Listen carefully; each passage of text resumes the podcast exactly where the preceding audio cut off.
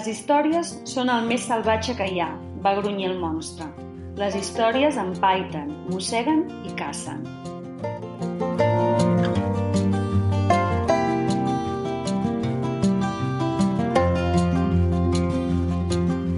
Sigueu benvingudes i benvinguts altra vegada a Tàndem. Comencem aquí un nou programa d'aquest podcast sobre literatura infantil i juvenil i mediació literària. Soc el Guillem, mestre, defensor de les biblioteques escolars i hobbit en potència. I m'acompanya, com sempre, la Marina, editora, lectora empadreïda i motivada de la vida. Ben tornada, Marina, com estàs? Hola, Guillem, encantada de saludar-te. I tu? La mar de bé, la mar de bé, acostant-nos a l'estiu, per tant, no podria sí. estar més content. Escolta, deus, tu també deus estar contenta, no?, per fer aquest programa avui.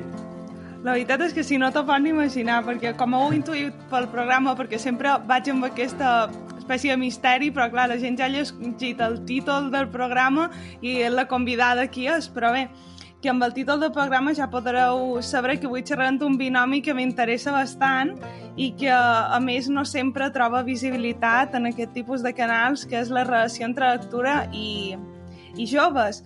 I, I ja que el nostre programa eh, està dedicat a literatura infantil i juvenil, volíem que la part juvenil no fos un, una enganyifa i hi fos present eh, de veritat en tot el que fem. Està claríssim. Nosaltres quan diem que som un podcast sobre literatura infantil i juvenil, ho diem de veritat. No ens deixem Totalment. la segona part a banda, no? I tenim bueno, la sort que per parlar d'adolescents, de lectura, de literatura juvenil, tenim nosaltres a la Gisela Ruiz, bibliotecària especialista en literatura infantil i juvenil i directora de la Biblioteca Elisenda Montcada i autora, juntament amb en Joan Portell, del llibre Adolescents i lectura, el binomi fantàstic, Sigues molt benvinguda a Tàndem, Gisela. Moltes gràcies per convidar-me. Gràcies a tu, benvinguda. I això, gràcies per dedicar-nos una estoneta que entenc que ara a les biblioteques deu estar bastant apurats de feina. És una bogeria ara mateix, diguéssim. Ara... És tornar sense tornar, a mitges i, i bueno, regulació rere regulació. Però bueno, què hi farem? Ho entenc.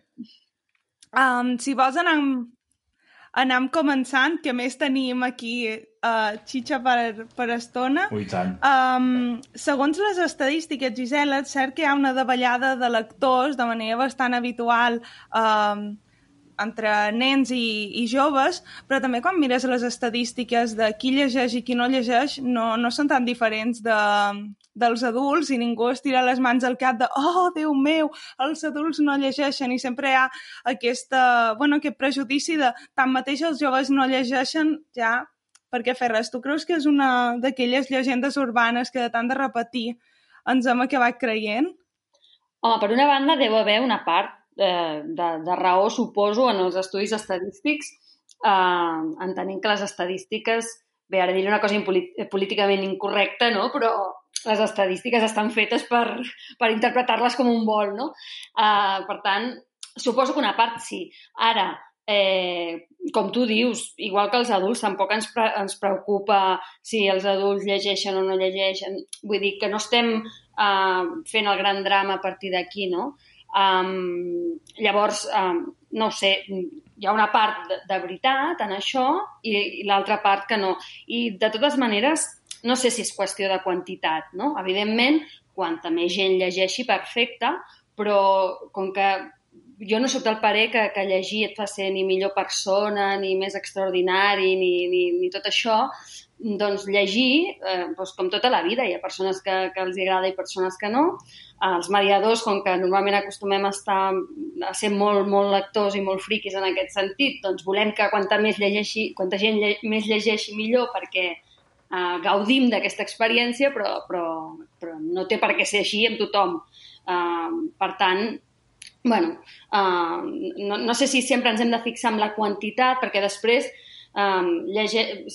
què llegeixen, potser és l'interessant, no? Què és el que es llegeix, um, què entenem per lectura, no sé, jo he sentit a vegades no, persones que diuen bueno, no llegeixen eh, novel·la o, o, o literatura, o, però llegeixen tuits. bueno, doncs jo quan parlo de lectura adolescent em refereixo a literatura, no em refereixo a llegir tuits perquè tots llegim tuits o llegim indicacions del caixer automàtic o el que sigui. No? Llavors és una mica més de definir què volem dir, eh, què, què entenem per lectura i llavors veure quins, eh, realment quins lectors, quins lectors tenim. No? Sí, perquè a més són un col·lectiu que em dona la sensació que així com en els adults hi ha molt lector esporàdic, que els adolescents quan llegeixen, llegeixen molt i sí. de manera intensa. Sí, jo crec que sobretot també tenim prejudicis amb el, amb, amb, amb els gèneres que llegeixen, no? Si, si ens preguntem, uh, què, si féssim una enquesta i preguntéssim què és el que llegeixen els, els, els adolescents, o, bueno, parlo d'adolescents, podria parlar també de joves, però parlo d'adolescents. Mm. Eh, què és el que llegeixen els adolescents? Doncs segurament sortirien tòpics com la fantasia, la ciència-ficció i el còmic, diguéssim, i la novel·la juvenil, com si d'aquí no poguessin sortir de res més, però hi ha lectors de poesia, eh, hi ha lectors um, clar, no depèn tant de quina edat tens, sinó de quin camí lector has fet fins a aquell moment, no? I aleshores eh, segurament trobarem nivells lectors diferents i madureses diferents i, i per tant, gustos molt diferents, no? Però sí que hi ha un, un cert perjudici. Eh? També hi és amb altres coses, amb la moda, amb la manera de vestir, amb la música, amb, amb com es comporten, no? Eh, recordo una vegada en un curs una cosa molt divertida que vaig fer, que era donar com Pau, eh, dir, per exemple, moda, i a veure què relacionaven amb adolescents, no? O els adolescents són, o llibres. Llavors, de seguida, el que veies eren els prejudicis, els prejudicis respecte a l'adolescència, i també hi és en, en, el, en el fet lector. I jo, evidentment, he vist molts adolescents que no llegeixen, com també veig molts adults que no llegeixen, els infants és sí que realment, com que tenen molta motivació um, per aprendre, per, per tot allò que és nou, um, és més fàcil trobar lectors, però a mesura que ens anem, fe, que ens anem fent grans, el, els lectors es redueixen, en, jo crec que en, en tots els, els col·lectius, no? Però també he vist adolescents eh, que m'han deixat al·lucinada. Vull dir, recordo un club de lectura que tenia fa dos anys que tenia eh, una noia de, de primer de, una noia de segon de l'ESO i una noia de tercer de l'ESO i, bé, teníem més gent, eh? però aquestes dues noies em van impactar molt perquè en aquell club de lectura van llegir El vigilant en el camp de Sègol, van llegir Ramon Adeu, van llegir La metamorfosi de Kafka també vam llegir, vam llegir um, La meva germana viu sobre la llar de foc, també vam llegir um, El xaval gras es menja el món, però vam llegir aquestes altres lectures i, la, i les van llegir sense cap tipus de, de, de problema, no? Per tant, una mica és, per mi és quin recorregut porta a, a, a aquell, a aquell lector i, i quines lectures estan a l'abast d'allò que ha llegit prèviament. Interessant. Interessant. I clar, en el, en el món de la mediació hi juga un paper molt important molta gent, diguéssim, no? Tant, això, si parlem d'infants, doncs podria haver la família, no sé què... Tots aquests agents que intervenen en la mediació, com canvien? O sigui, com canvia la seva funció a mesura que es van fent adolescents? Per exemple, el paper de la família en la mediació literària d'un adolescent eh, més, bueno, és més, és menys que quan és infant? O llavors quin, quins canvien, quins augmenten la seva, el seu pes i com, com hem de saber això? Clar, l'adolescència és una etapa que mm, psicològicament té un procés que és el rebuig a l'època infantil, no? El mm -hmm. gran, i per tant allò que feia quan era un infant, eh, no, ja no ho faig perquè sóc gran, no? I eh, això va lligat també als referents que jo tenia quan era un infant. Potser quan era un nen o una nena, doncs el, el, el que em deia la meva mare o el meu pare o el que em deia eh, la mestra o el mestre era una cosa molt important i per tant eren els meus referents i si el pare o la mare diuen, o l'àvia o el, diuen, però parlo més amb els pares, no? que tenen una funció més mhm. molt diferent als avis, als tiets, que els hi toca fer la part més dura. Doncs si recomanaven això o proposaven una lectura, el, el, doncs el nen normalment accepta aquella proposta, no? Però a l'adolescència hi ha com aquest trencament. Per tant, la família a vegades pot ser, a vegades pot ser eh, que, que l'adolescent rebutgi tot allò que ve de la família. no? Uh -huh. Però ells tenen en aquell moment altres referents que són entre ells, entre els iguals, no? entre ells mateixos, uh -huh. i després per mi l'interessant eh, que, que això és molt important, perquè entre iguals vol dir que ells aniran fent un, una, una descoberta eh, partint dels, del, dels mateixos coneixements, més o menys, del mateix moment vital, etc. no? Per tant, amb una mirada determinada. Però després, potser per, per mi el que és interessant és com persones eh, més grans, més adult, adultes, els ajuden a passar per aquells llocs que amb els seus iguals no, no passarien. No? I això pot ser, mm. eh, pot ser un professor a l'institut, una professora a l'institut, pot ser un bibliotecari o una bibliotecària, eh, referents, no? eh, eh, si és una colla, amics més grans, referents més, més grans dintre del, del cercle que poden anar conduint cap a lectures que potser entre iguals no apareixen i, i llavors és molta feina del mediador de, de veure com ens aproximem en aquests, uh, en aquests adolescents. Jo, clar, parlo des del, des del punt de vista de les biblioteques, que les biblioteques no hi són tots els adolescents i, i no tenim un contacte tan directe com tenen els professors o professores d'institut, no? que, que els tenen allà cada dia i llavors segurament els professors i professores són més referent, perquè és un referent diari, no? que, que, que nosaltres que ens pot costar més, però és una feina molt important, penso, per això, per... per... Jo m'imagino la lectura com mm, de dues maneres, o sigui, dues metàfores, no? Primer com a escales, llavors, eh, a vegades, si vas pujant grau a grau, perfecte, vas fent, però si tu de cop vols pujar cinc graons, doncs potser tu sol no, no pots pujar aquells cinc graons, no? Necessites algú que t'acompanyi. O com un riu amb còdols, no? Doncs quins còdols posem nosaltres al mig d'aquest riu com a mediadors perquè puguin anar transitant d'unes lectures amb unes altres. I llavors, és, per, per mi és interessant que l'adolescent tingui al seu abast diferents referents lectors, mm -hmm. els que aniran construint amb els seus iguals, però després gent que li dirà ostres, mm, vale, i aquest llibre per què no proves, no? I aquest altre, això.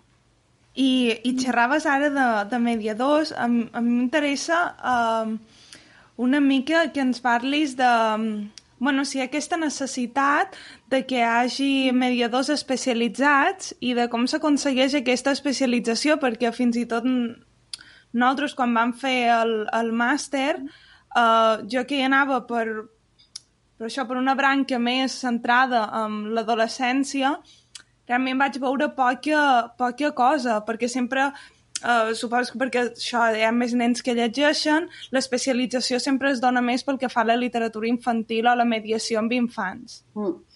Sí, el, a, a, en referència a com ser mediadors, jo una cosa que crec que és bàsica és ser lectors d'aquells llibres no?, que podem posar a l'abast de, dels joves.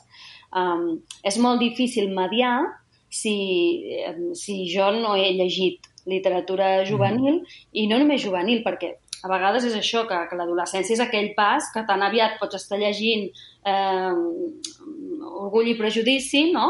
Eh, com pots estar llegint eh, això, el, el xaval gras es menja el món. Són dos llibres que, que aparentment eh, o sigui, que estan molt allunyats, no? que un està considerat com un clàssic de la literatura i l'altre té com aquest component pejoratiu en literatura juvenil a vegades, no? Avui sentia, eh, bueno, eh, avui que, que ha mort en Zafón sentia eh, no, la seva millor obra va ser amb l'ombra del vent, no? Abans havia escrit literatura juvenil.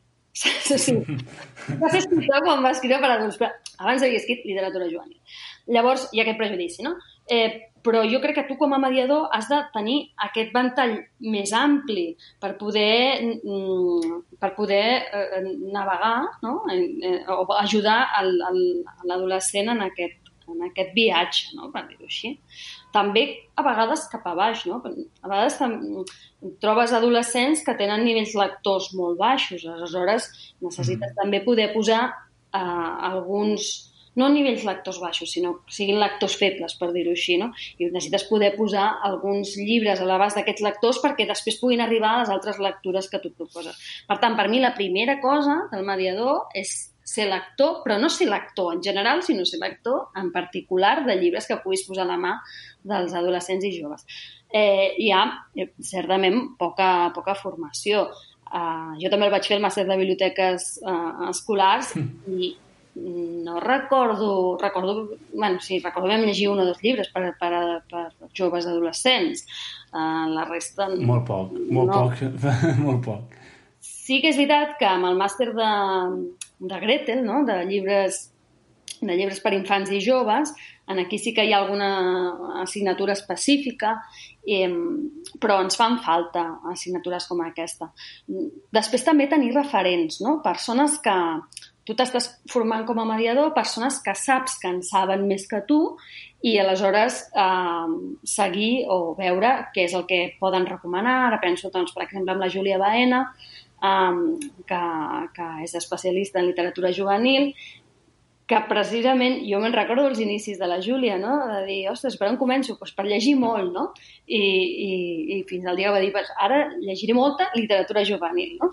Doncs eh, començar, començar per aquí. Jo crec que és el més important. I va lligat amb el que deies després de les propostes de mediació. Mm, no es poden fer propostes de mediació si no sabem eh, en què estem mediant. No? Si, si no llegeixo llibre, és impossible que pugui fer cap proposta. Um, Té lògica. És que, no, el que sí que és veritat que, clar, el, no és el mateix eh, tot i que els àlbums tenen molta complexitat, o llibres infantils poden tenir complexitat, però no és el mateix en quant a volum. No? Llavors, les hores dedicades poden ser, poden ser diferents i per això jo crec que hi ha com aquesta, aquesta cosa de, de que és fàcil especialitzar-se en infantil eh, i més difícil fer-ho en, en juvenil per falta de referents, per falta de formació i perquè són unes obres que requereixen eh, més temps de dedicació, no? Mm, I llavors, si, si tu estàs treballant en moltes coses, doncs, clar, això se suma, és una, és una més a més. No? Um, després, l'altra cosa per mi, eh, que no he dit, a part del referent, serien les editorials, no? veure quines editorials estan especialitzades en, en, en treure, bueno, llibres per, per joves, hi hauria molta cosa a parlar eh, aquí, perquè, clar, hi ha tot el món del crossover i, i, i, bueno, i aquesta cosa d'un determinat sector del mercat editorial de, de, de si els joves són fins als 50 millor perquè és més marcat, no?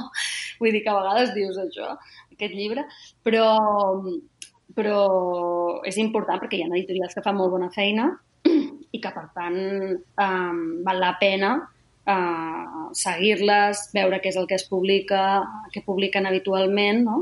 I, i, i també nodrir-se a partir d'aquí. Penso en la feina que feu a l'altra editorial eh, i també amb la feina que, per exemple, Viena, no? que té aquella, li, aquella, aquella línia de, també de clàssics, eh, doncs, eh, o, o Blacky Books, que també té alguns llibres, doncs, va, una mica seguir quines eh, editorials. Després, a mi, jo dic ara, he dit així noms i després de tant en tant et surt algun editorial que ha fet un llibre juvenil que dius, oh, saps? dius, no la però oh, que bé! I, I potser no era la seva especialització i l'ha anat a trobar, no? Vull dir que um, està una mica obert també en general. Marina, jo estic content perquè la primera que ha dit és que escoltar els que en saben més. I de moment això ho estem fent, ho esteu aconseguint sí. amb aquest podcast, per tant, bé, Exacte. anem bé. Aquesta part, check. Aquesta part la tenim, a partir d'aquí hauríem d'anar mirant. No, i, i pensant en el que deies, um, i fent aquesta vocació de servei, no? que quan al màster i així parlàvem de maneres de promoure la lectura amb, amb adolescents, sempre sortíem amb el tema del book trailer, que està molt bé, eh, res en contra dels book trailers. Però què més? Què més es pot fer a banda d'un book trailer? Clar, jo és que no sé si s'ha de fer res. Vull dir que aquesta potser seria la uh -huh. primera pregunta, no? Vull dir, necessitem fer coses pel fet de llegir? Doncs potser no. O sigui, no sé si la mediació ha de ser en forma d'un producte final, uh -huh. uh, sinó, o, o ha de ser a través de l'experiència. Uh -huh. A vegades, jo penso, per exemple, bons referents de mediació infantil, com poden ser els laboratoris de lletres, d'imatges i lletres, um, el que fan Mm, l'important no, no és el producte final, l'important és eh, com ens introduïm, com llegim determinats eh, llibres, en què, posem, en què ens hi fixem en aquells àlbums, a, on posem la mirada, no? que aquesta és la mediació. el producte final és igual. El que passa que amb els adolescents tenim com la tendència a fer el producte final. Potser perquè heretem doncs, de, de l'institut, no? de llegeixo un llibre i faig un treball, em llegeixo un llibre... o sigui, llegeixo i faig una cosa. I a lo millor mm, no necessàriament és llegir i fer una cosa. Nosaltres, per exemple, amb les biblioteques del Vallès Occidental, de la zona on està la Biblioteca Elisenda, doncs tenim un, una comissió jove, que som tot de bibliotecaris que volem fer coses per treballar amb els joves. I mm, fa... bueno, aquest any és quan ho hem dut a la pràctica, però estem fent com unes experiències literàries, unes experiències de mediació.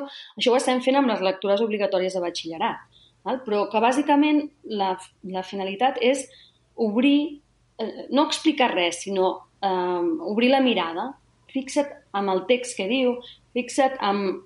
I llavors gaudir de l'experiència lectora.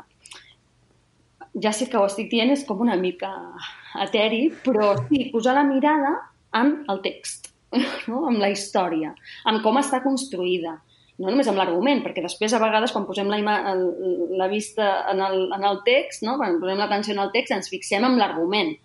Bueno, l'argument és una cosa, Després estan eh, la, la qualitat literària, els inicis, els finals, les veus narratives, tot això que, mm -hmm. que és el que realment enriqueix no? el, el que, el que enriqueix el text. Al final acabes dient... A vegades, llegeix, si llegeixes un llibre molt bo, et pot passar que l'argument no t'interessi gaire, però que dius, ostres, quin plaer llegir aquest llibre.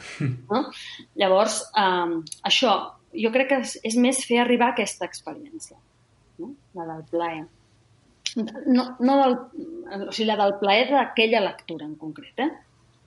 És que just abans de, de connectar-te, precisament estàvem repassant les preguntes i, i ha sortit, hem estat, no sé, un quart d'hora xerrant sí, sí. sobre aquest tema, perquè en, en realitat el, la imatge que dona és això, que la lectura per plaer no és possible si no és una mediada a través de la tecnologia, perquè ara queda superguai sí. que tot acabi sent uh, tecnològic, um, i el, el que tu deies, que precisament uh, no sé per què aquesta tendència quan xerren d'adolescents i lectura de això que no es pugui experimentar l'experiència lectora si no és per, per un producte final, quan, quan al final sí que és veritat que canvies el format, perquè pot ser queda més guai gravar un book trailer que fer, que fer el que tu deies, un treball i fer-me un resum de tantes paraules i, mm. i tal, però, però ens tornem a oblidar de la mediació, de posar l'accent sobre, sobre aquella lectura que han fet. Clar, jo trobo per exemple, també interessant una altra cosa, una altra manera de mediar és mitjançant la tertúlia literària, és a dir, parlar del llibre, Uh, no fer preguntes a veure si te l'has llegit, això és una altra cosa, però parlar del llibre, intentar ben pensada, una, una tertúlia estructurada, o sigui, per part del mediador, pensada i reflexionada amb uns objectius que vols aconseguir, no?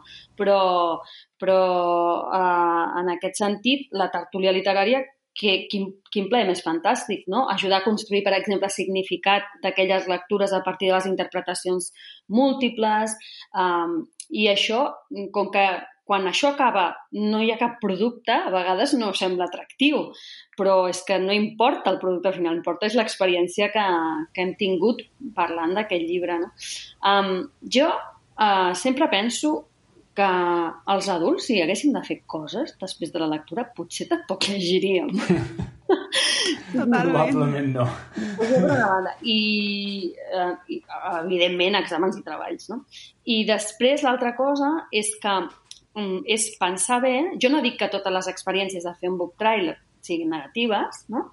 però sí que crec que han d'estar ben pensades perquè, si no, potser el que és interessant és el fet de fer una pel·lícula que és igual si és sobre un llibre o és sobre qualsevol altra cosa. Vull dir, eh, calibrar bé que, que, que l'interès de l'adolescent no estigui en, en, en fer un, un, un producte audiovisual. Si està aquí, que pot ser que és perfecte, també, doncs, bueno, és una altra cosa, però no té a veure amb la lectura, perquè al final, si fem estratègies de mediació, és perquè siguin lectors, és perquè puguin anar d'uns llibres a uns altres, no perquè vagin Vull dir que si van d'un llibre a fer un book trial, o sigui, fan un book trial, però després ja no llegeixen cap altre llibre, doncs, bueno, també hi ha hagut, jo he sentit experiències, doncs, per exemple, de fer eh, personatges com d'un videojoc, no? i programar, i com avatars, i no sé què. bueno, està, està molt bé a nivell de, de programació, el que sigui. Mm, nanos que no llegeixen però que han fet l'avatar. bueno, però a mi no m'interessa que hagin fet l'avatar. Clar, però llegeixen després d'això? I que després d'aquella mediació tornin a llegir. Saps? Perquè si no, potser aquella mediació no és necessària. O sigui, si estem fent una mediació que no porta més lectura, eh, bueno, doncs, doncs potser no és la mediació que cal, no? Mm -hmm. I quines, a més de la tertúlia literària, que jo crec que és un, un dels mitjans més efectius, uh, fins i tot per aquest punt que a vegades hi ha, hi ha joves que no que ho deixen de la lectura però perquè no acaben d'entendre segons que, que han llegit i en la lectura aquesta en comunitat, diríem, mm. eh, acabes descobrint eh, significats del llibre que tu desconeixies i us acabeu nodrint tots junts. Eh, a mi em fa pensar en una cosa que em va dir la Fe de l'Espolsada, que en el seu grup de joves, eh, que el club de lectura tan emblemàtic de la llibreria, un dia uh, un d'ells li va dir Fe, és que aquí és l'únic lloc on algú em demana si el llibre m'ha agradat o no. Clar. Jo això me va, me va pareixer una, una cosa tan elemental de, clar, és que no s'està demanant si allò que t'has llegit t'ha agradat o no, o, o anar a fer preguntes per, mm. per seguir una mica amb la... que, és que sigui per recomanar un altre llibre. Clar, el, jo crec que amb la mediació també és important fer mediacions en les quals hi hagi la implicació de l'adolescent, no? I en aquest sentit, amb això que expliques d'aquesta aquesta, bueno, direm, anècdota o aquest fet, eh, jo crec que hi ha una part de, dir, de sentir-se escoltat, no? de com la lectura també pot servir per, perquè l'adolescent se senti escoltat i pugui eh, dir la seva opinió i pugui expressar-la.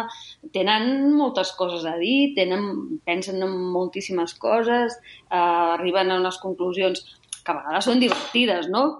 Dius, com han arribat fins aquí?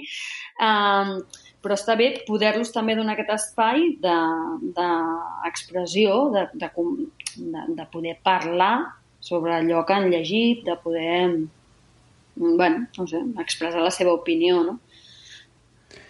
I una altra manera és que fa uns programes parlàvem de la lectura en veu alta. Mm, també. I, I crec que és una molt bona manera de fer arribar textos fins i tot als adolescents, perquè penso com a adult i com a adult t'encanta que t'expliquin contes i històries i els adolescents també, suposo, o no? Sí, sí, i això és una cosa que es perd, uh, i es perd molt ràpid. De fet, quan els nens ja comencen a llegir de manera autònoma, ja hi, a les biblioteques hi ha una baixada molt important de pares que portin els seus fills, per exemple, a les hores del conte. Llavors després ho anem arrossegant, no? Clar, anem perdent, anem perdent i llavors després ja no tenim, perquè ja són grans, es considera, i no cal que els expliquin històries que ja poden llegir ells. I en canvi, eh, eh, quan estava a la biblioteca infantil i juvenil de a Can Butxosa, a Parets del Vallès, doncs allà teníem un pla de lectura que encara el tenen i, i que fa més de 25 anys que, que funciona amb les escoles. I què veiem nosaltres allà? Doncs que a cinquè sisè els encantava que els expliquessis eh, històries, que a primer i segon de l'ESO també. És a dir, que l'oralitat és, un, és un recurs molt potent que a vegades oblidem com més grans es fan mm -hmm. les persones, no? També ens passa amb els adults eh, rarament es programa, es programen algunes, però no amb la mateixa eh, no, no amb la mateixa quantitat que es programen d'infantil o hores del conte, no? I llavors hi ha, diguéssim, podria, l'oralitat um, a través de, de, de la narració o de la lectura directa no? el gaudi de sentir un altre llegint en veu alta una, una història. Justament m'encanta que, que hagis dit això perquè avui estava llegint el còmic Piruetes, que no l'havia llegit, i hi ha una escena que estava per fer-li una foto perquè és, la, la història és una noia adolescent, diguéssim que veiem coses, és una, auto, una autobiografia i veiem un fragment de la vida de, de l'autora des dels 12 fins als 17, més o menys anys. I en un moment determinat, ella diu, del que més m'agradava anar a l'institut era quan la mestra ens llegia en veu alta, perquè, bueno, estava tan cansada, no? És, és una noia que fa patinatge artístic i això, llavors va molt cansada entre unes coses i les altres, no té gaire temps per llegir, però en canvi li agrada, li agraden les històries, li agrada la lectura a través de la veu d'una altra, no? Mm -hmm. I pensa, exacte, mira que ens hem de treballar amb gent perquè entenguin que llegir en veu alta als adolescents és una cosa bona, important, no? També perquè a vegades eh, no, no tots els, els lectors, no cal que siguin adolescents, eh? però vull dir que, que la mecànica de la lectura també és una cosa que vas millorant amb el temps i a vegades és el que deia la Marina, no? Si no llegeixes bé, Llavors et costa més entendre-ho, però potser si tu llegeix algú altre que li dona el significat, que, que, que, que diu les paraules bé, etc etc, doncs comprens moltes coses que potser en la lectura individual no, no entens. Mm -hmm. Després hi ha una altra cosa que és um, la, una associació que, es fa molt, associació que es fa moltes vegades, no? que és Joves Lectura RAF que està bé, pot funcionar en alguns lectors, no? I, i en d'altres pot no funcionar. Vull dir que, que és una altra expressió de la lectura veu alta que, que a mi em sembla una llàstima que només inclogui el rap i no altres gèneres musicals, perquè és, és veritat que a través de la música et poden arribar, eh, et poden arribar obres que potser llegides no t'arribarien, no? Uh, jo recordo perfectament quan estava a l'institut i la nostra professora de català ens posava en Raimon per, per que aprenguéssim els poemes d'Ausias Marc, no? que llavors jo em semblava molt carca, però la veritat és que molts dels poemes que recordo és perquè han estat musicats. Um, per tant, bé la música com a, com a mitjà si ens apropa aquell, aquell contingut. No? És que precisament això, això que deies és un altre tema que ha sortit en la conversa prèvia, perquè um, Clar, jo estic en contacte amb la literatura juvenil, però des de la part prèvia a la mediació, no? I, i clar, la mediació m'interessa molt i m'agrada molt la, la gent que estàu com a, a primera fila, que, bueno, que m'expliqueu com, com vos funcionen certes coses o com vos funcionen certs llibres, perquè a vegades des del punt de vista literari un llibre et funciona superbé, però després eh, a la pràctica és un llibre que no, que no funciona.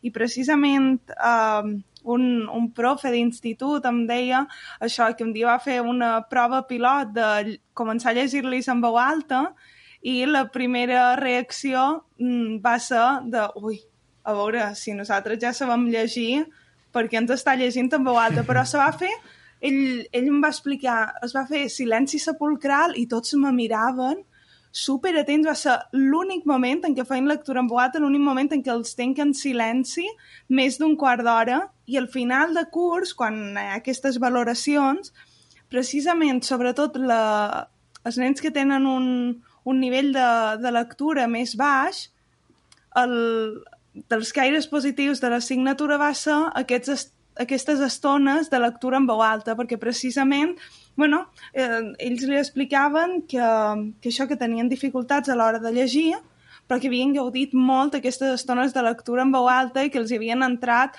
aquestes ganes d'intentar-ho ells. Mm. Sí, jo amb això penso que, que cada llibre eh, acaba tenint el, la seva mediació perfecta, per dir-ho així, no? Vull dir que potser a vegades ens és més fàcil com tenir productes i dir, doncs farem això per mediar amb els adolescents, no? I llavors sigui quin sigui el llibre, però a vegades és una cosa o a vegades és una altra completament diferent. Sí que hi ha unes coses que podríem dir com genèriques, no? Podem fer hores del cont, ai, podem fer clubs de lectura, podem fer lectures en veu alta, podem fer tertúlies literàries, o sigui, això podria ser un genèric, però després el que és interessant quan fas la mediació és què diu aquest llibre, no? O sigui, aquest llibre què diu, com parla, què explica, eh, com ho explica.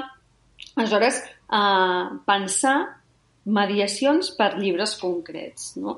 Que això és una mica, amb aquestes experiències literàries que us deia abans, eh, és una mica així. I té molta dificultat, perquè vol dir que cada vegada que has de fer una mediació tornes a començar. No tens una fórmula que més yeah. et serveix, no? Sinó que tornes a començar.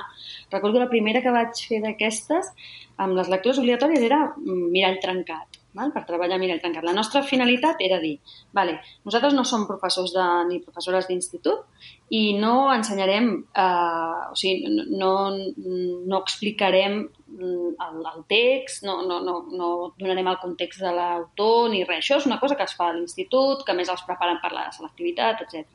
El que volem fer és aportar el gaudi d'aquestes lectures obligatòries, no? Perquè obligatori no té per què ser eh, avorrit, igual avorrit, ni dolent, ni res de tot això.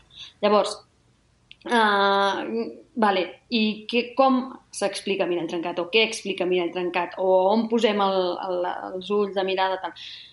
Mirall trencat era d'una manera, quan vam fer l'Ucès de Bohèmia era una altra completament diferent, quan vam fer Terra Baixa és una altra completament diferent. No? Per cada llibre és, mm, val, molt bé, a veure què explica i com, com podem apropar als lectors adolescents en aquesta, en aquest, en aquesta història que s'explica d'aquesta manera.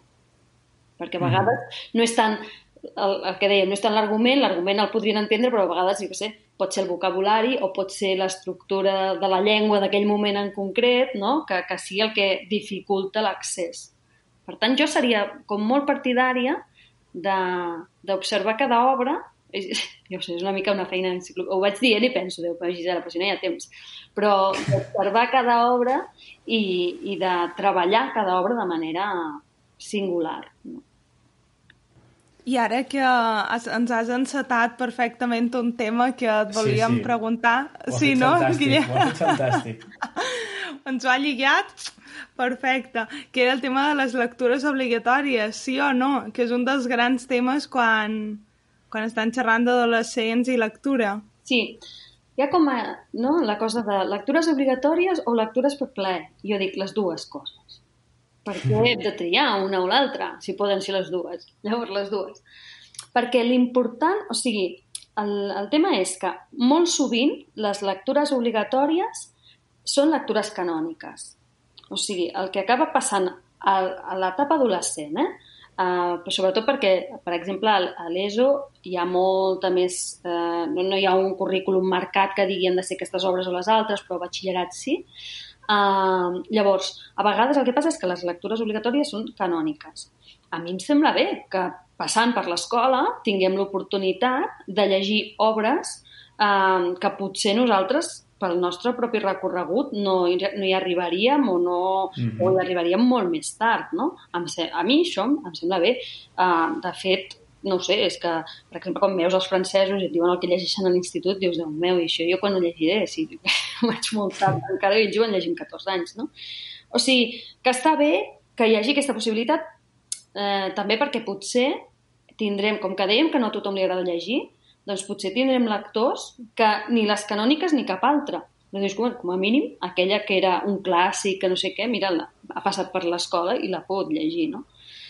Um, però, I després també les lectures per plaer. És que jo crec que potser el problema és que, que clar, com que acabem fent una lectura per trimestre, per dir-ho així, es redueix molt perquè has de triar molt. Clar, hi, hi, ha, clar. hi ha tanta publicació que dius, bueno, um, es redueix molt. I després perquè també crec que tenim un prejudici en pensar doncs, que en aquesta idea de que les obligatòries sempre acostumen a ser canòniques i moltes acostumen a ser clàssics, no? doncs tenim un prejudici en pensar que als joves no els agraden els clàssics. No sé per què. No pensem que als adults no els agraden els clàssics o que als infants... No, no, no és que als infants l'erugueta boluda no els agrada perquè és un clàssic. Bueno, i què? És una obra bona? Els agrada, ja està, vull dir, perquè la bellesa és una cosa que com a espècie ens agrada, no? Um, i el problema ve en quan posem unes lectures obligatòries, do, dos problemes. Un, posar una lectura obligatòria després fer un examen, que això és, no és que és un problema, és que hauria d'estar penat o alguna així. Dir, hauries d'anar a la presó quan fas això. Tu tens cadena perpètua. no, és que, és que també, vull dir, que a vegades m'hi trobo, eh, de, de, de nanos que venen a la biblioteca i no, és que ens fan un examen tipus test. I jo penso, tipus test? Per parlar d'una lectura? Doncs no entenc res, no? Eh, una, un problema és aquest i l'altre problema és quan posem obres obligatòries això, que no, no estan a l'abast dels, nostres, dels nostres adolescents. No? En, en el sentit que les lectures que han fet prèviament no els han preparat per llegir aquesta altra lectura. Per tant, jo crec que està bé que l'escola et prepari per llegir determinades lectures i que després t'ofereixi també espais en els que tu puguis triar. Perquè si tu sempre pots triar, doncs potser et passa que t'agrada molt, eh, posaré el, com a paradigma, no?, el diari d'en grec o una cosa així. Llavors, potser t'agrada molt això. I d'aquests ets capaç de llegir-ne bueno, tots els que es publiquin i tornar-los a llegir i així. I sempre estàs en aquest mateix nivell lector o en aquest, en aquest tipus de lectura. Difícilment mm. des d'aquí saltaràs a una altra lectura. Llavors, si no t'ha acompanyat ningú, quan et posen al davant doncs això, la metamorfosi, doncs és evident que des del diari d'en grec fins a la metamorfosi eh, no hi ha 5 graons, n'hi ha 24.000. No? Llavors necessitem, però no perquè la metamorfosi sigui difícil, perquè no ho és. O sigui, tu llegeixes el text, el text no ho és. Evidentment, si ets adult, i tens unes experiències lectores i unes experiències vitals, segurament trobaràs uns significats dif diferents en aquella obra dels que les trobaràs per primera vegada si llegeixes amb 14 anys o... No? Uh, I veuràs unes coses diferents perquè tens una experiència diferent. Però això no és ni bo ni dolent. Vull dir, la, la metamorfosi només en, és molt divertit. Jo trobo que és un llibre divertit. A banda que després, com a adult, puguem pensar, ui, l'angoixa, el transformar... Tota aquesta altra interpretació, no? però com a relat, diguéssim, fantàstic, d'un senyor que s'aixeca pel matí i s'ha convertit en una cuca. Eh, és que molt, és de gràcia, és molt graciós, trobo. Llavors, per què no, en una etapa, doncs, fer aquesta lectura estaria molt bé. Però has d'estar preparat per això, perquè si no, la frustració és tan gran que perdem els lectors per frustració. No? O, no, és que com que té aquesta edat li toca llegir tal cosa. Bueno, no, potser, és, potser ha sigut un lector que no ha llegit res Llavors, eh, allò és una... Bueno, és, és massa per ell. Però tampoc descartar-los. Descartar no sé, a mi, per exemple, mmm, això penso en tot de clàssics que potser si no estan, si no són obligats, mmm, en aquesta etapa no, hi, no entraràs, no? I quina, mm -hmm. quina llàstima.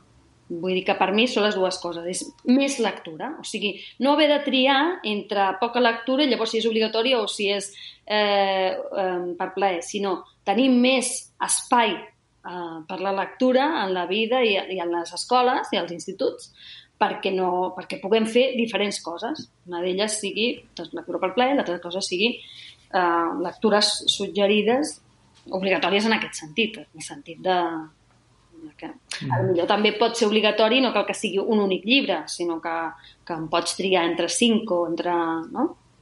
però és interessant que, que hi puguin ser, perquè si no, clar, el mercat és molt potent. El, el mercat, o sigui, hi ha un, un determinat mercat editorial que, que ha après molt bé quin tipus de llibre ha de fer per vendre'l molts, no? I, uh -huh. i, i bueno,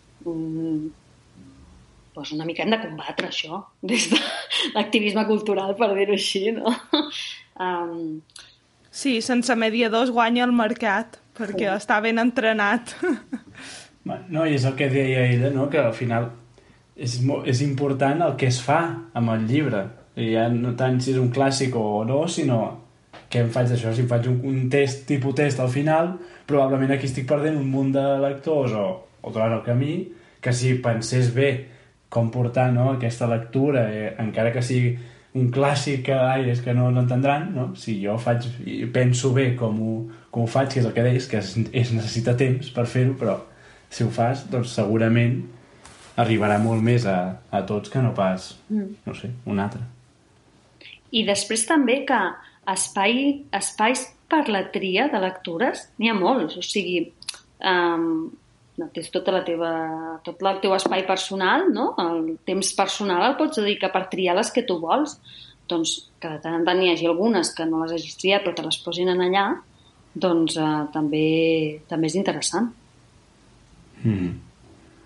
No, jo et volia um, demanar, tu com a bibliotecària, més sé que has fet estades a l'estranger, um, has pogut veure altres realitats, realment es crea espais per, per joves, per espais de lectura dedicats a ells, perquè bueno, hi ha grans zones infantils, hi ha la zona d'adults, i ells on queden sempre?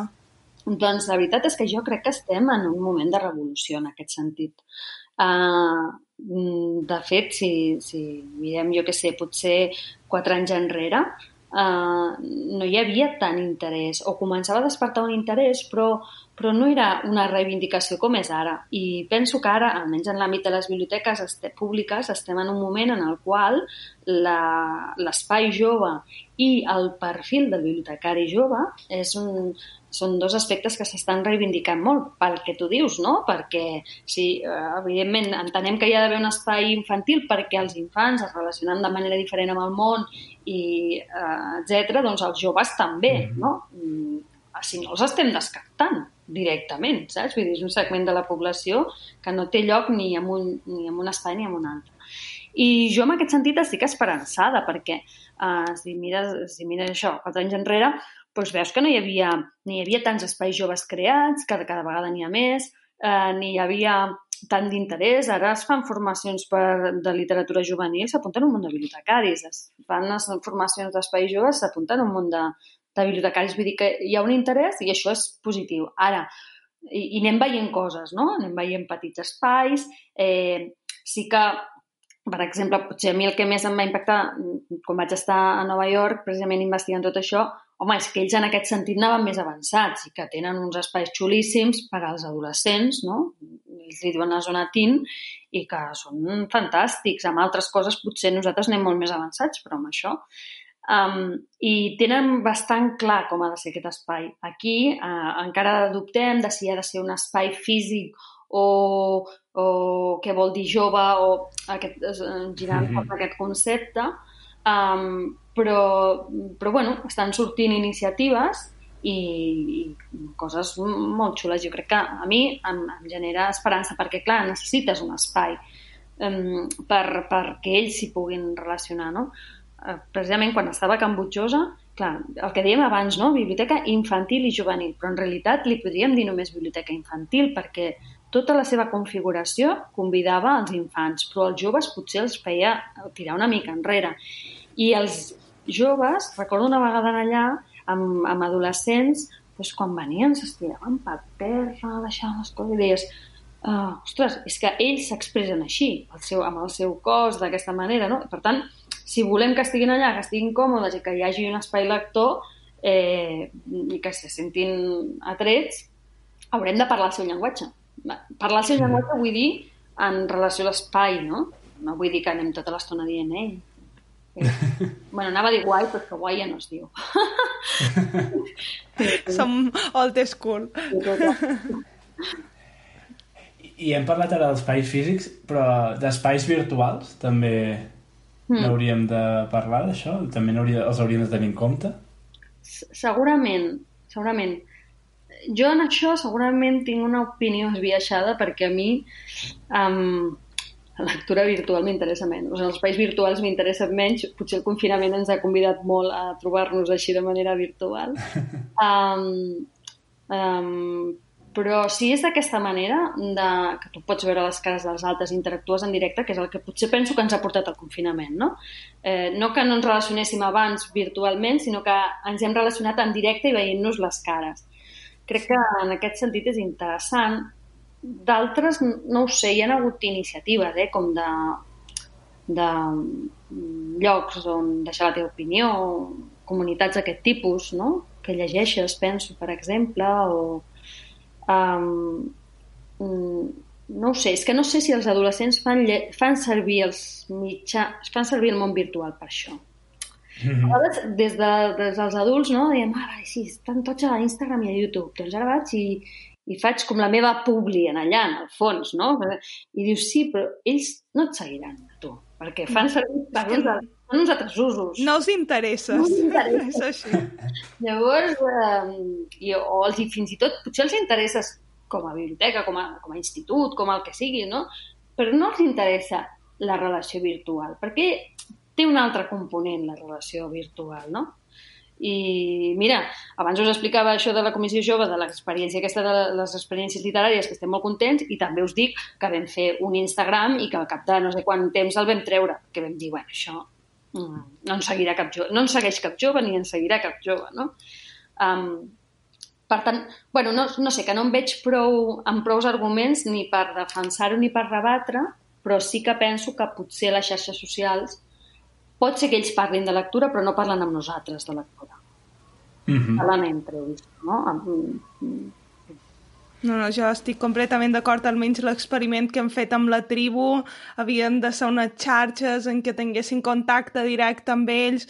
La realitat, després d'un any que portem en marxa, és que qui ens segueixen són els prescriptors. Sí i al final el que hem d'aspirar és a fer els llibres el millor possible perquè és quan se'ls trobin a la llibreria, a la biblioteca, els vulguin agafar i, el, i els interessin i ja està. És el màxim que pots...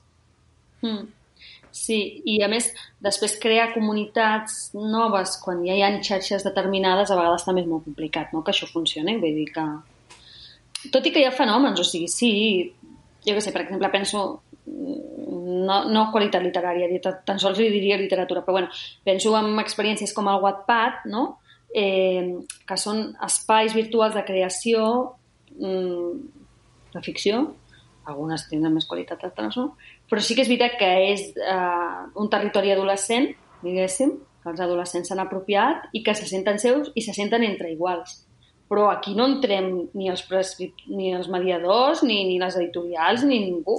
És una cosa entre ells. Potser per això s'ho ha funcionat, no? Que no hi ha ningú. Mm. Sí, sí. No, perquè al final a mi em sembla molt interessant el que dius, sobretot aquesta visió d'adult, no? d'això, pues, si funciona una cosa, els està funcionant, entro allà i funcionarà segur.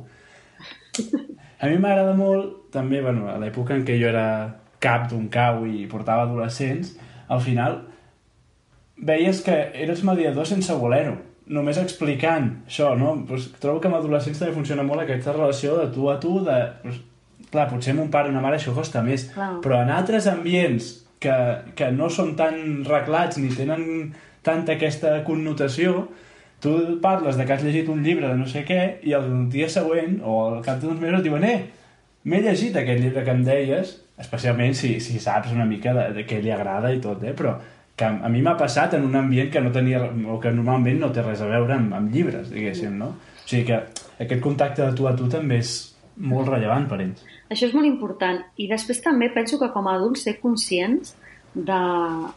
O sigui, quan... jo quan era adolescent, no sé, és que la gent de 30 anys la veia molt gran. Vale? Jo ara en tinc 37 i penso, soc supermoderna. sí, però és que estic tan lluny i jo em, em sento amb una ànima eh, propera a, al món adolescent, però yeah. realment estic lluny. Llavors, sí que hi ha, poden haver... Potser la cosa interessant seria, que jo no, no ho he treballat, eh? però que em sembla interessant de dir, vale, jo, que sóc més gran, treballo amb gent eh, jove, però més, però més gran que els adolescents, gent de 25 anys, gent de, que estan més a prop d'aquests adolescents i que poden ser més referent del que puc ser jo, no? O sigui, també detectar quan un... Uh, bueno, un no és un encara que t'ho semblis. uh, sí.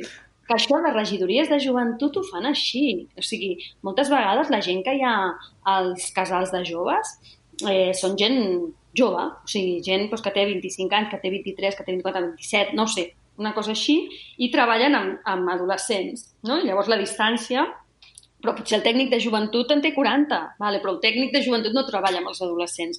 No perquè no ho pugui, pugui fer, no? però per anar, no sé, només per la comunicació. No? Ara, recordo el tuit de la Rosalia del Crash i no sé què, no sé quantos, no? doncs allà estava clar que ja, si, si llegies allò i ho entenies, estàs en una generació i si no, estaves en una altra. Doncs, bueno, si estàs en una altra, llavors vale, hem de començar a buscar mediadors dels mediadors. No? I per això funcionen, jo crec que això que tu deies ara del, del, del cau funciona per això, perquè normalment els monitors de cau tenen, no, no es porten tants, tants anys amb, amb, clar, amb clar. Els, no? Llavors, clar, és, et veuen com més gran, però no com un adult del tot. Mm. I Gisela, um, si vols, podríem comentar una mica com veus tu el panorama de, de la literatura juvenil actualment.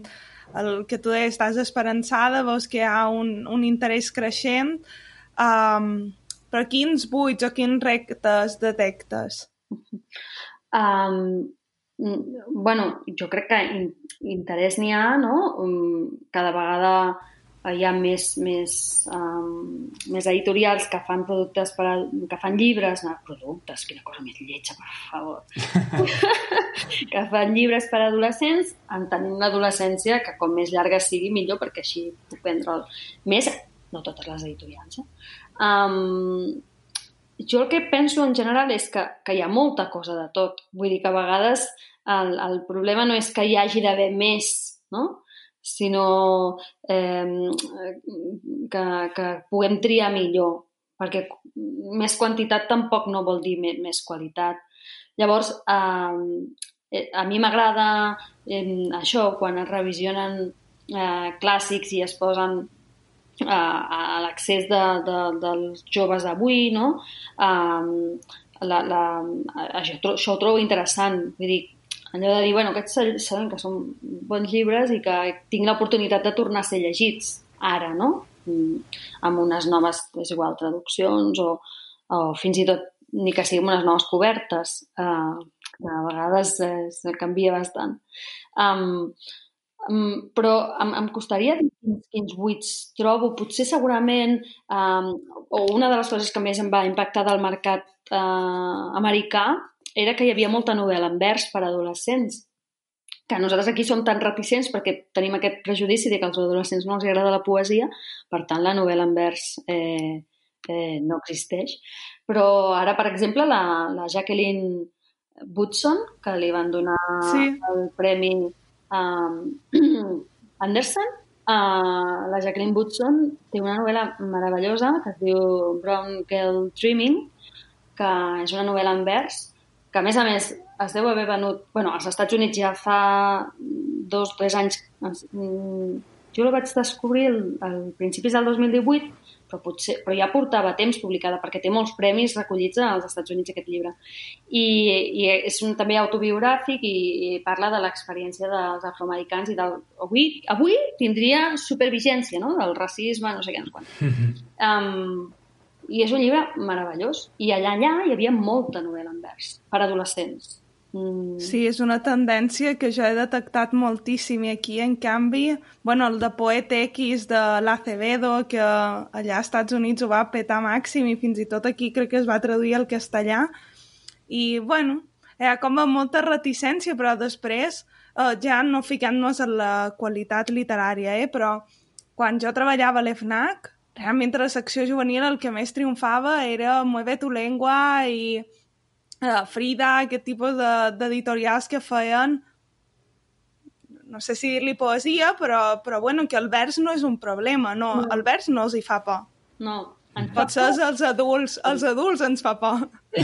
I per... Sí, perquè estem tota l'estona amb, amb allò de no l'entenc, no? I de, de les metàfores i, i a vegades dius, no, bueno, no sé, sí, que, que a vegades hi ha la musicalitat també, no? La bellesa de, de, del vers i, i ja està, no? Um, vull dir que sí, que, que potser seria una cosa per explorar. De fet, eh, Pagès Editors té un batec alhora, que és un llibre en vers, um, i, que està, i que està molt bé i que té una... Vull dir que és un llibre bonic i, i molt adolescent, diguéssim. Um, però hi ha pocs, mm, pocs, pocs casos, no? De la resta és que diria, jo què sé, saturació de fantàstica, saturació de romàntica, no? saturació de... Dic saturació de fantàstica més que de ciència-ficció, perquè gairebé crec que hi ha més fantàstica que, que ciència-ficció, no? Vull dir que de la resta crec que estem bé, però potser crec que hi ha molta cosa. No és que detecti buits, no? A mi, va, sí. Clar, i una mica el que deies tu, que no és el mateix per extensió de pàgines, mm. un mediador de, de juvenil, per realment discernir el gra de la palla, mm. li, li, li du molt Clar. de temps entre tot el que es publica d'anar llegint per, per saber que val la pena. Per això també a vegades és interessant això que deia abans, no? de quan coneixes l'editorial, no? perquè clar, hi ha editorials que dius, bueno, aquesta editorial fa aquests llibres, no?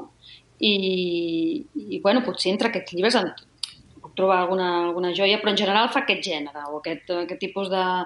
I llavors això també t'ajuda a descartar, no? Vale. Clar. I després està l'altra cosa, però tot i així, encara que tu com a mediador t'ajudi a descartar, també has de ser conscient que aquelles lectures es fan. O sigui, a mi la novel·la romàntica juvenil Uh, molta de la que es publica em sembla un, un horror en, literari i, i argumental i de molts tipus, no? Um, però si els adolescents... Dic, diria gairebé les adolescents, no? perquè són les que la llegeixen, eh, l'estan llegint, està bé que tu la coneguis per després poder mediar, no? De, de dir, bueno, escolta'm, uh, molt bé, Mm, t'has llegit, eh, posaré el cas d'After, però bueno, podria ser After o podria ser... El... After és com... Sí, After, el Blue Jeans i tot això és... Eh, venien, ja hi havia precedents abans, no? El Mòquia ja és això, però sí. molts anys abans, sí. no? Vull dir que, en el fons, no deixa de ser més o menys l'adaptació de la novel·la rosa al, al, al un altre públic, no? Eh, però bueno, si tens algú que està llegint això, no, perquè m'agrada, perquè l'amor, aquesta cosa de l'amor romàntic, no del romanticisme, però uh, mm. no? m'agrada perquè aquest s'estima i no s'estima. I... Vale, però si tu saps això, dius, vale, tu has llegit això? Pues no sé, pots llegir Cims borrascosos, perquè jo crec que no hi ha novel·la més adolescent clàssica. Cosos, no? bueno, sí, podríem dir les penes del jove Werther, no? també, però, però Cims borrascosos és no, perquè t'estimo, no, és Pau, Catherine, no, Cardiff, bueno, el Heathcliff, no, no és que és tot així, tot, com que a més a més és del romanticisme, això sí que és romanticisme pur i dur, doncs tot és amunt i avall, amunt i avall, amunt i avall, no? Um, molt adolescent. Bueno, però si tu coneixes, si saps que està llegint això, pots mediar. Si no saps què està llegint, vull dir que també hi ha una part del mediador de conèixer un mercat, encara que tu no posis aquell llibre com a referent, sinó per saber d'on parteixes per poder posar altres referents no? a l'abast. Mm -hmm.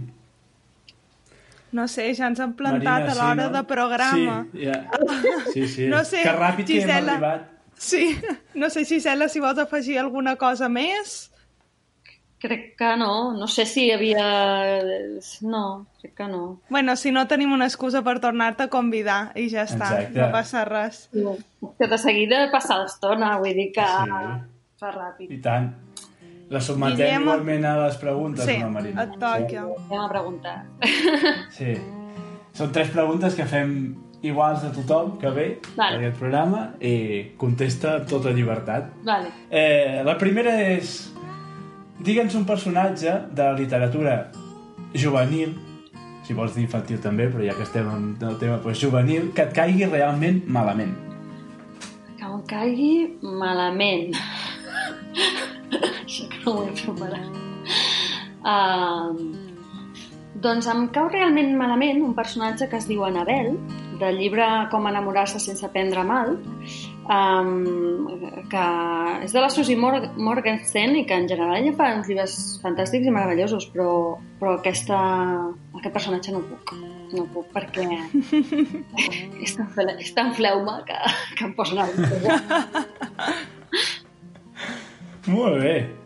Segona pregunta. Si haguessis d'oblidar un llibre per poder-lo tornar a llegir com si fos la primera vegada, quin triaries? Oh, això és com triar... Hòstia, tria... quan tries un és sempre molt difícil, eh? ja. a veure, si ha tants. Um, si l'hagués de llegir com per primera vegada... Um, juvenil, no? Hem quedat. Bueno, aquí pots fer una mica de... Aquí? Sí. Pues Anna Karenina, que em pogués oblidar de llegir. Que també crec que té un...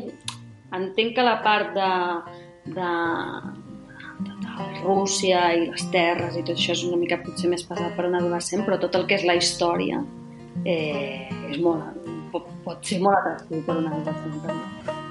Cacha salseo del bueno, en plan, pasión a tope. Molt bé, i ja ens plantem a l'última, que de fet és que has de completar la frase. I diu així, qui llegeix? Qui llegeix és molt feliç. Fantàstic. Perfecte. Doncs... Molt bé. Bueno, moltíssimes gràcies, eh? Gràcies a tu. Com els... Tornaràs a ser convidada. Com els podem, com els podem escoltar?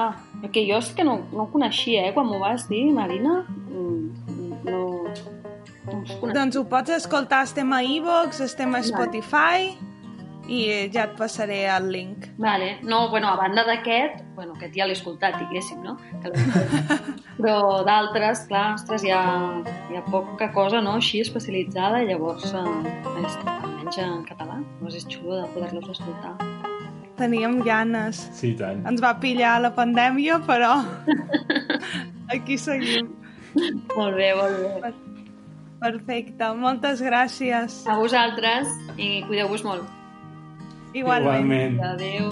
Adéu, adéu.